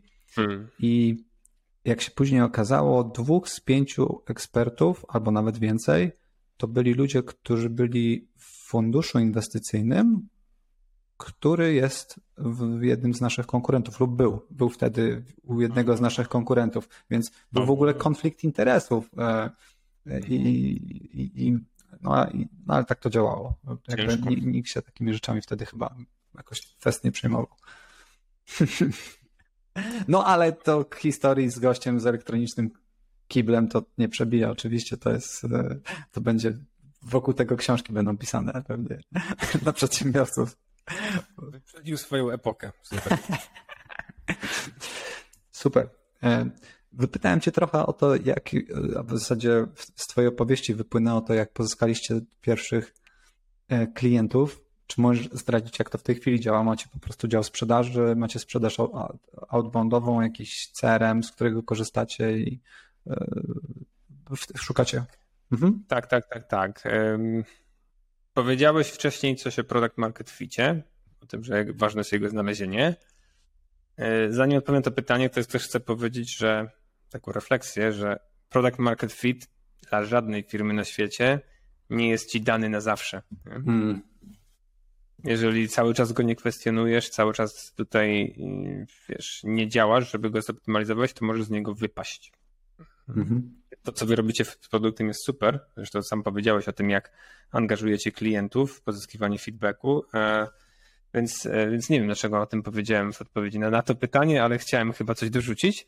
Idąc e, do tego, jak wygląda nasz sprzedaż. Więc tak, mamy mm, no, określony no, strategię sprzedażową, czyli głównie firmy z obszaru medycznych, no, firm telemedycznych w obszarze zdrowia, firmy typu szpitale, przychodnie mhm. oraz firmy zdrowotne ubezpieczeniowe, publiczne lub prywatne, bo też trochę zaczynamy pracować z ministerstwami zdrowia, co jest myślę ciekawe. Klientów i partnerów mamy w tym momencie ponad setkę, mhm. więc to są zupełnie innej wielkości klienci niż, e, niż wiesz, w SASach, które idą do SMB. Szukamy raczej większych firm. No po prostu tylko one chcą ten produkt kupować. Tak, mamy też skalibrowany pricing. Zespół komercyjny, taki całkowicie, to jest około 37 osób w tym momencie. I e, mamy takie dwie główne obszary geograficzne: Stany Zjednoczone oraz rynki niemieckojęzyczne mm, oraz resztę świata. Ta reszta świata oczywiście jest bardzo ważna, natomiast pod kątem jakichś działań marketingowych, pod, pod kątem outboundu, to przede wszystkim Stany i Niemcy.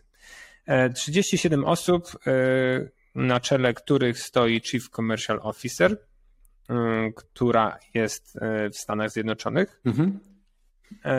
No i ten cały dział commercial dzieli się na takie cztery główne podzespoły. Oczywiście marketing, mamy później Customer Success and Implementation, to jest taki połączony mhm. zespół, mm, sprzedaż, no i ta sprzedaż oczywiście jest podzielona geograficznie oraz mhm. segmentami klientów mm, oraz revenue operations. W revenue operations e, w ich skład bardzo ważny zespół wchodzą SDR-zy mm, oraz e, osoba, e, która się zajmuje no, takim no, analityką revenue operations, układaniem procesów, automatyzacją.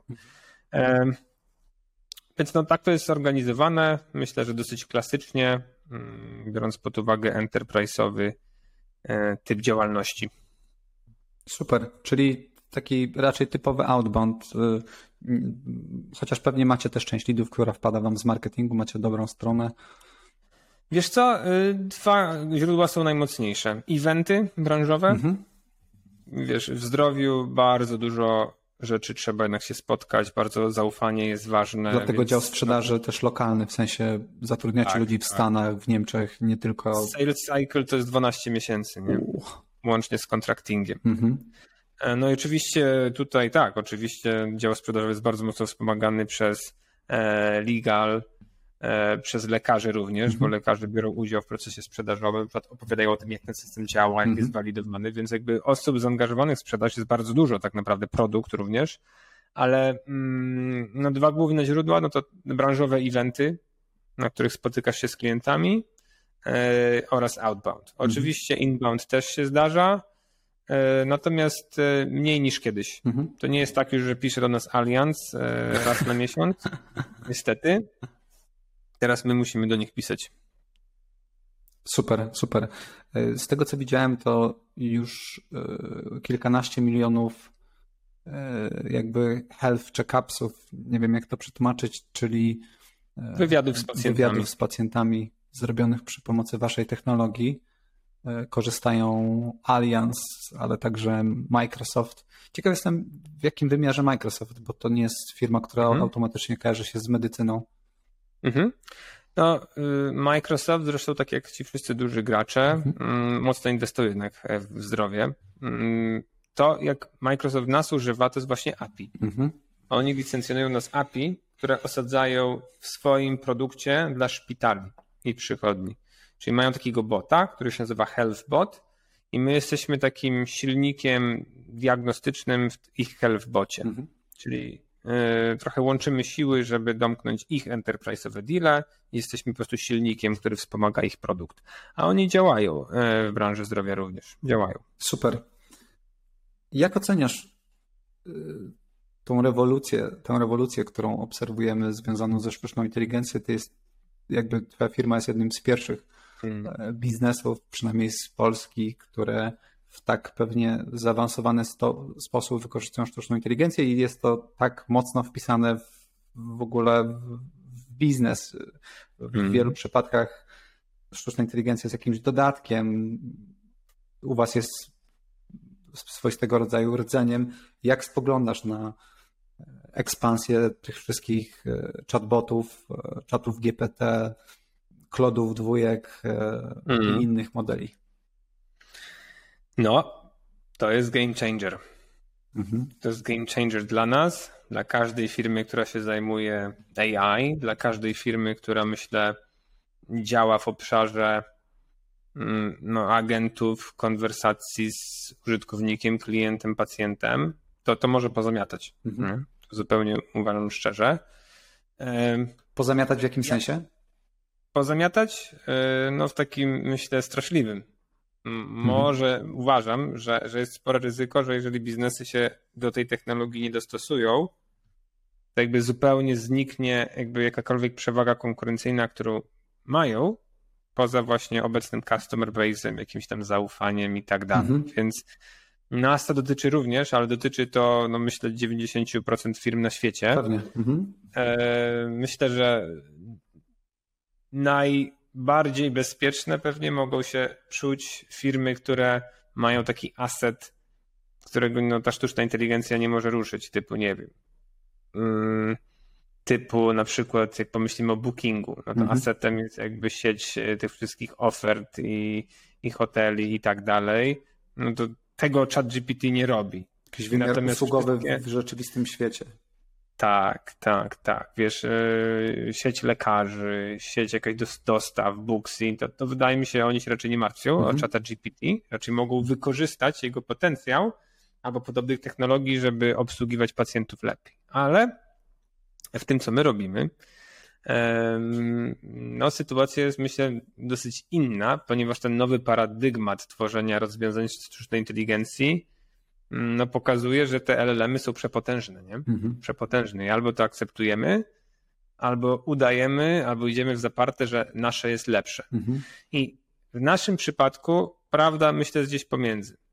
Ponieważ, ale to jest specyficzne dla naszej branży, co postaram się wytłumaczyć, My staramy się teraz nakierować naszą firmę do tego, aby pójść w stronę LLM-ów, żeby wykorzystać ich potencjał do rozmowy z pacjentem, żeby nie było tak, mhm. że klikasz sobie objaw, potem sobie klikasz tak, nie, nie wiem, tylko żebyś mógł porozmawiać tak samo, jak rozmawiasz ze swoim lekarzem rodzinnym, mhm. tylko że na czacie. Mhm. Albo tak samo, jak rozmawiasz z lekarzem przez telefon albo pielęgniarką, żebyś mógł porozmawiać z naszym narzędziem. I zawsze przyświecała nam taka wizja, którą no, nazywaliśmy roboczo Virtual GP, że za 5-10 lat, tak samo jak będziesz miał autonomiczne samochody na drogach, tak samo będziesz mógł porozmawiać z taką Siri albo jakimś innym botem na temat swoich objawów. Tylko ja zawsze myślałem, że to jest 10 lat stąd, 5-10 lat.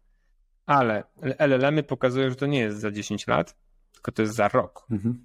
Za rok, półtora Barierą, która istnieje, jest ich kilka, natomiast wymieniając dwie główne, pierwsza, specyficzna dla naszej branży jest to, że to nie są wyroby medyczne.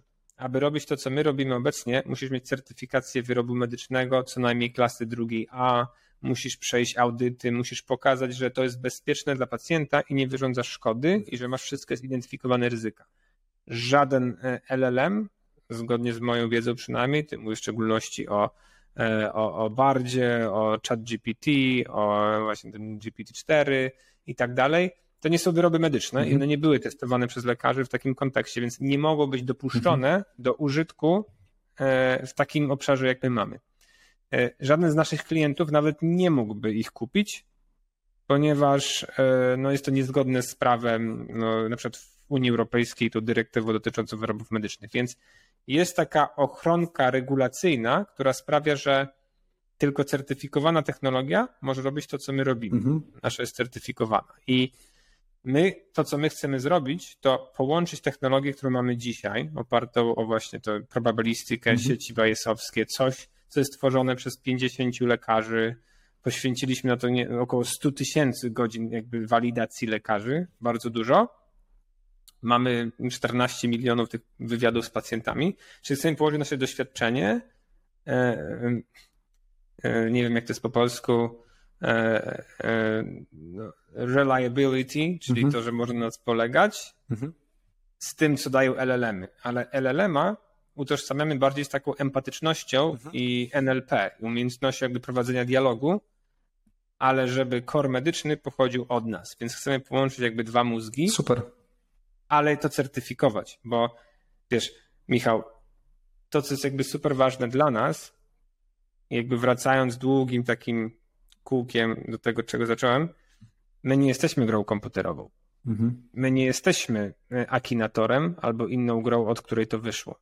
Każdego miesiąca z Infermediki korzystają setki tysięcy pacjentów, którym naprawdę coś dolega. To może być mama z dzieckiem, to może być ktoś z bólem klatce piersiowej, to może być ktoś, kto ma poważną depresję i to nie jest gra, to nie jest zabawa. Jakby od jakości tego, co my dostarczamy, zależy w dużej mierze bezpieczeństwo użytkownika końcowego mhm. i dlatego jest ta certyfikacja, więc nie możesz wypuścić czegoś, co jest niezwalidowane a LLM-y w tym momencie są niezwalidowane, ale my to chcemy zmienić. Oczywiście to nie będzie łatwe, ale nad tym pracujemy.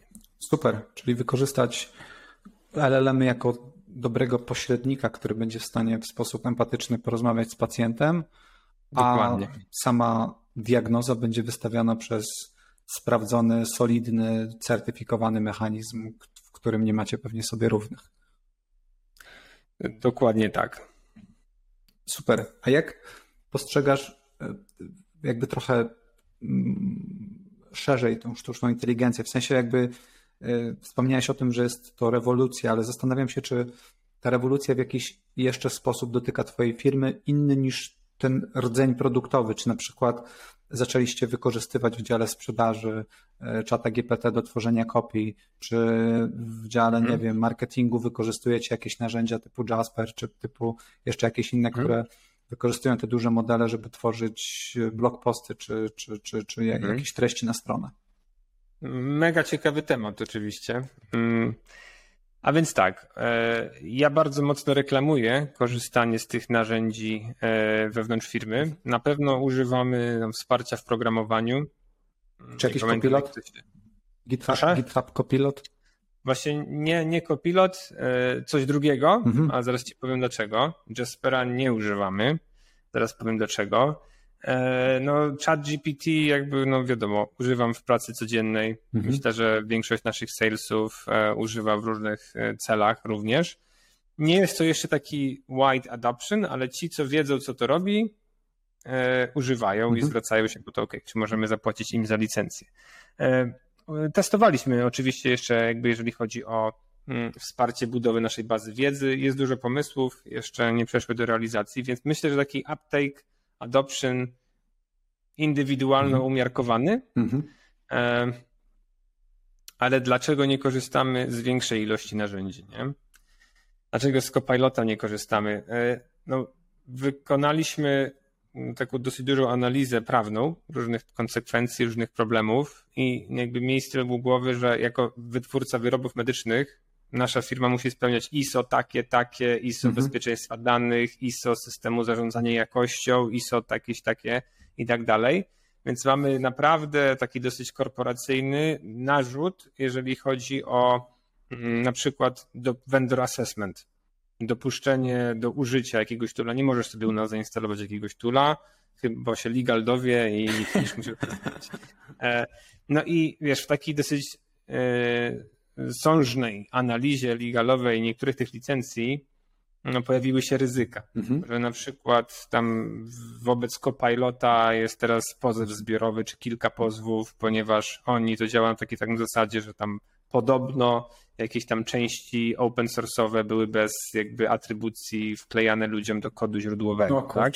Mhm. tak samo z Jasperem. Jakby Jasper, nie pamiętam, ja tam rozpisałem, coś tam było z Jasperem chyba, że zrzekasz się majątkowych praw autorskich do tego kontentu. Aha, okay. To są wszystkie wow. rzeczy, które jakby może są jakby zupełnie, wiesz, to nie jest dobre myślenie na takim etapie, że chcesz coś zrobić szybko i żeby to działało, ale mając z tyłu głowy, że przyjdzie mi za pół roku audytor i będzie to sprawdzał, albo że przy następnym due dealu, -hmm. przy rundzie C to będzie sprawdzane, a będzie, no to wybieramy tylko takie licencje, gdzie no nie ma jakiegoś takiego ryzyka, że na przykład tworzymy kod źródłowy, e, a niejasny jest tytuł prawny do, jeżeli chodzi o autorstwo kodu źródłowego. Jasne. Bo jak się okaże, że nawet 10% twojego codebase'a ma jakąś wadę prawną, bo w przyszłości będzie takie orzeczenie, kurczę, w Polsce czy gdzieś tam, e, no to na etapie jakiegoś deala możemy mieć z tym problem. Więc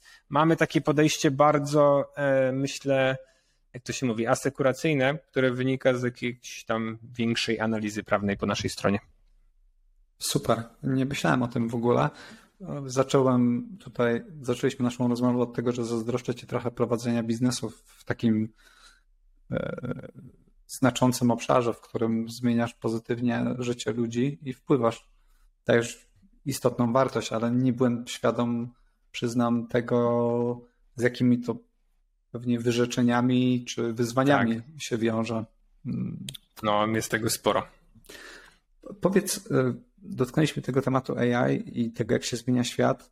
Ciekaw jestem, jak oceniasz, będzie zmieniać się branża medyczna. Wspomniałeś już to trochę, o tym trochę między wierszami, mówiąc o tym wirtualnym mhm. GP, czyli wirtualnym lekarzu, powiedzmy takim interniście, generalnym lekarzu, który będzie dostępny na wyciągnięcie klawiatury dla każdego. Mówi się o tym, że branża zdrowotna, wbrew pozorom, jest jedną z najbardziej jeszcze niezmienionych branż, nie wiem jak to powiedzieć, jest y, branżą, która jest jeszcze bardzo skora do y, kurczę, nie chcę zabrzmieć buzzwordowo, ale jest y, open to disruptions, czyli gotowa na duże zmiany. W pewnym sensie jest, a może gotowa to jest złe słowo, bo są regulacje, które sprawiają, że ciężko jest pewnie, o czym przed chwilą słyszeliśmy, wdrażać jakieś duże zmiany, ale mówi się o tym, że y, jakby w świecie uberyzacji wszystkiego, w świecie y, wyciągania niesamowitych wniosków w oparciu o duże bazy danych, y, pojawiają się gigantyczne możliwości, na przykład, aby w, tworząc jeden zbiorczy dostęp do danych pacjentów na gigantycznych danych, wyciągać z nich trendy, wnioski, korelacje, być w stanie określić, że jedzenie ogórków e, podnosi o kilkanaście procent, e, e, czy zmniejsza o kilkanaście procent ryzyko, nie wiem, zawału serca. Oczywiście wygaduję mm. totalne bzdury, ale chodzi o poszukiwanie różnych korelacji, które odnajdywało się ciężko poprzez badania kliniczne, poprzez różnego typu mhm. eksperymenty, grupy, które były trudne do sfinansowania. W tej chwili chyba w tym roku weszło nowe rozporządzenie unijne, które z, chyba przewiduje, że będzie taka otwarta baza, znaczy może nie otwarta, ale będzie zunifikowana baza danych o pacjentach w, w, w Unii Europejskiej w, w, najbliższych latach powstawać. Ciekaw jestem, jak, jak, jak to z Twojej perspektywy wygląda, jak będzie się zmieniał ten e, branża zdrowotna. Hmm. No i widzisz, y, zgadzam się na 100%, że no, potencjał jest przeogromny. Przeogromny. Jest bardzo archaiczna, nie? Na razie. Jest, jest dużo archaizmu, jest wszystko na papierze, y, przynajmniej u nas w Polsce na placówkach medycznych, z tego co wiem, to nawet w rozwiniętych rynkach jak Stany też jest bardzo mała digitalizacja, chyba nawet nie, nie wolno jest digitalizować y, wielu nie, dokumentów. Chyba, Chyba wolno. Yy, chyba wolno, tam dużo się faksowało z, A, z okay. czasu, chyba to zostało też, ale no, myślę, że tej otwartości za bardzo nie ma, nie? Myślę, że potencjał jest ogromny, ale yy, mam takie wrażenie, że jest to mimo wszystko jedna z najbardziej hermetycznych branż. Mhm. Dlaczego tak jest? No nie wiem. Jest jakby ilość, ileś na pewno różnych potencjalnych przyczyn. Raz, że to jest regulowany rynek. Nie możesz sobie wprowadzić e, jutro na rynek witaminy C by Sadek.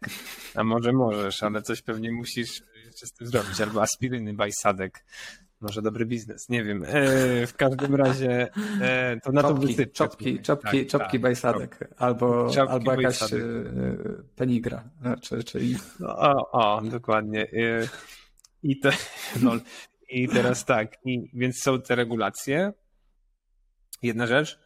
Druga rzecz, która chyba jest no, tutaj kluczowa w tym wszystkim.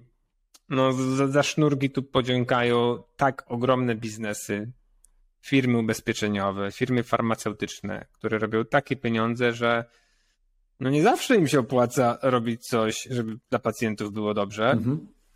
Jeżeli jest lek, który, nie wiem, załóżmy sobie, jest lek, który może wyeliminować chorobę X, to na pewno ktoś chciałby na tym zarobić, tak? Mhm. Mało jest chyba takich naukowców w tym momencie, albo takich ścieżek, żeby to wypuścić na rynek w inny sposób. To jest, a trzecia rzecz, to już wspomniałeś, z takich rzeczy, które przynajmniej ja widzę, mm, digitalizacja jest bardzo dużym problemem. Są systemy oczywiście elektronicznej dokumentacji pacjenta i w Polsce, i w Stanach, ale one nie są ustrukturyzowane, tak? I nie są kompletne, więc mógłbyś wyciągać gdzieś tam, tworzyć korelacje, używać big data, żeby szukać, czy ogórek wpływa na to, czy na tamto, a już w ogóle zacząłbym od tego, że lekarz nigdy nie wpisze, że że jadłeś ogórki, nie? Hmm. Więc jakby e, to, co jest o tobie napisane, czy o pacjencie w rekordzie, mm, myślę, że e, rzadko kiedy tam jest coś nowego, takiego, żeby na bazie tego tworzyć jakieś nowe case'y, jest... ale no oczywiście potencjał jest ogromny. I jeszcze tylko jedną rzecz powiem, wydaje mi się, że ten potencjał był w dużym stopniu niewykorzystany, znaczy im długo nie będzie, ponieważ no, ludzie nie mają czasu pisać referatów na temat pacjenta w czasie wizyty, która ma 10 minut. To, co robi zwykle lekarz, przychodzisz, nie wiem, z zapaleniem ucha, kopiuj, wklej template od zapalenia ucha, tutaj ok, fizykalnie tak to wygląda w badaniu, tutaj tak to wyglądało.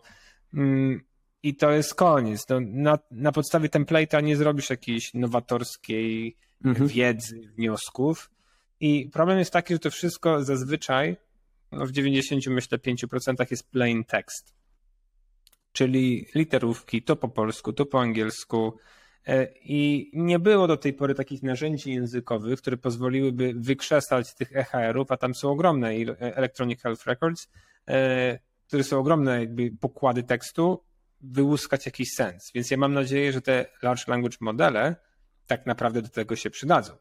To jest jedna rzecz, ale wciąż musisz przeskoczyć to, że lekarz nie dokumentuje tego tak dobrze, jak można by, ponieważ nie ma na to czasu. Mm. To jest jakby oczywiste. Zresztą już teraz jest tak, że idziesz do lekarza i przez większość czasu tak nie wiadomo, czy patrzeć w lewo, czy w prawo, bo lekarz coś pisze na komputerze i tak trochę zagadywać, bo to rozprasza. E, wchodzą takie technologie, które myślę zmienią to. E, taki ambient listening, nie? czyli Hmm. Są już takie rozwiązania, gdzie po prostu jest postawiony, no nie chcę powiedzieć jakiś tam Alexa czy coś takiego, ale słucha rozmowy e, e, LLM i sam uzupełnia lekarzowi bardzo fajną, szczegółową notatkę. To już istnieje.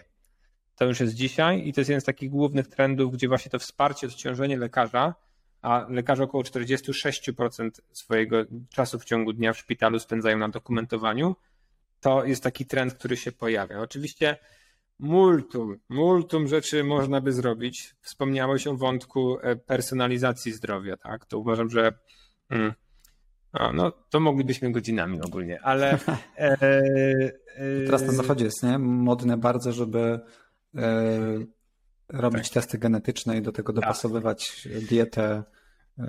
Tak. Ma markery robić pod choroby, w których jesteś wysokiego ryzyka, masz wysokie tak. ryzyko dla mnie to jest tak. absurdalne, że znaczy jakby dużo jest oczywiście do pracy, do wykonania po stronie systemów i pewnej infrastruktury, pewnie też po stronie lekarzy, chociaż akurat ich winiłbym mhm. najmniej, bo są zarąbani robotą, często są przepracowani. no, i, i mają powciskanych tych spotkań na tyle dużo, że mało jest czasu na jakościowe podejście do pacjenta i gdzieś tam głęboki wywiad na przykład, ale też bardzo mało jest moim zdaniem edukacji w tym obszarze, gdzie na przykład jakby większość ludzi nawet nie wie na co umarli dziadkowie, tak. nie wiem, odpukać rodzice czy, czy, czy, czy coś takiego, nie? I, tak. i, a, a to jednak determinuje bardzo mocno tak. rzeczy, na które powinieneś ty zwracać uwagę i, i, i to determinuje sposób życia, dbania o zdrowie. Tak. A, a to jest no takim tematem tabu na przykład. I rodzice no. nigdy nie mówili, na co zmarli dziadkowie, dopóki nie zacząłem mocno cisnąć, bo to było takie, no to nie jest mm. przyjemna rozmowa, e, po co to mm. martwić, po co to smucić, e, ale jest to bezcenna wiedza, która może ratować życie. No i, i właśnie, to jest właśnie super wątek. Ja uważam, że kierunek, w którym idzie medycyna, to jest właśnie edukacja pacjenta, żeby pacjent miał coraz większy ownership za zdrowie mhm. swoje i swojej rodziny. I to jest możliwe na dwa sposoby. Po pierwsze, przez edukację, e, a po drugie, przez posiadanie jakichś lepszych narzędzi, które ci pozwolą ocenić sytuację. Mhm. Tu oczywiście mamy nadzieję jakąś cegiełkę dołożyć e, do tego wszystkiego, ale e, takich case'ów jest znacznie więcej. Ja tutaj obracam się, wiadomo, w firmie informatyczno-medycznej, ale ile osób wie, jak rozpoznać duszność u jednorocznego dziecka albo dwulatka, tak? E, ile osób wie, z którymi objawami idziesz na store, a które możesz leczyć w domu. Mhm. Mm, ja bym naprawdę widział coś takiego, nie wiem, jakie teraz są lekcje w szkole, jakiś KOS, WOS, coś takiego, e, przysposobienie obronne mhm. kiedyś było. Może powinno być w szkole naprawdę e, self-care lesson, czy jak to nazwać, coś dotyczące zdrowia. Czemu w szkole się nie uczymy odnośnie chorób, objawów, czym się różni wirus od, od bakterii? Ja naprawdę, ja tak. uważam, że naprawdę, co to jest antybiotyk. Mhm. Myślę, że większość osób tak naprawdę nie wie. Mhm. Ja też nie uważam oczywiście, że jestem ekspertem w tych sprawach, ale jakieś takie minimum edukacji dotyczącej swojego zdrowia odciążyłoby bardzo system opieki mhm. zdrowotnej mhm. w sytuacji, w której mamy też narzędzia i to nie tylko jakby algorytmy, nie tylko AI, ale jest masa fajnych narzędzi. Ja mam w domu praktycznie szpital polowy, powiem ci. Mam i stetoskop, i jakby takie EKG przenośne, ja takie, znaczy przenośne, taki, taki jakby taki device do, e, do pięcioprowadzeniowego EKG. E, mam jakby wszystkie rzeczy, żeby mojemu dziecku pomóc, jakby mhm. cokolwiek się działo. E, I, I te narzędzia peryferyjne, one są po prostu źródłem danych, czy dla lekarza zdalnie, czy dla pielęgniarki, czy dla mhm. pracownika służby zdrowia, czy być może dla algorytmu na mhm. pierwszej linii frontu. Bo może jeżeli lekarz nie będzie dostępny w ciągu następnych 30 minut, to ja wolę pogadać jakby z AI-em, który na bazie certyfikowanej wiedzy mi powie, dobra, wiesz co Piotrek, jedź z dzieckiem e, do szpitala. To taki case w ogóle miałem ostatnio, więc, e, więc widzę tutaj takie bardzo duże potrzeby edukowania, wsparcia się przy pomocy narzędzi typu mhm. E, medical devices, e, sztuczna inteligencja. Pamiętaj, znaczy pamiętaj, jakby według badań e, WHO szacuje, że do 2030 roku zabraknie około 10 milionów lekarzy, pielęgniarek i położnych na całym świecie. To, co tutaj u nas się dzieje w Polsce, średnia chyba, nie chcę skłamać, ale gdzieś tam widziałem statystyki, średni wiek chirurga w szpitalu w Polsce to jest 60 lat. To co będzie za 20 lat? Mhm. E, no, naprawdę wierzę, że jedynym sposobem zeskalowania opieki służby zdrowia jest to, żeby wesprzeć maksymalnie pacjenta w takich błahych, codziennych problemach. Super cenne. A jeszcze tak na koniec, może już e, trochę tym razem ja wyjdę na kosmitę, zadając takie bzdurne pytania, ale czy myślisz, że e,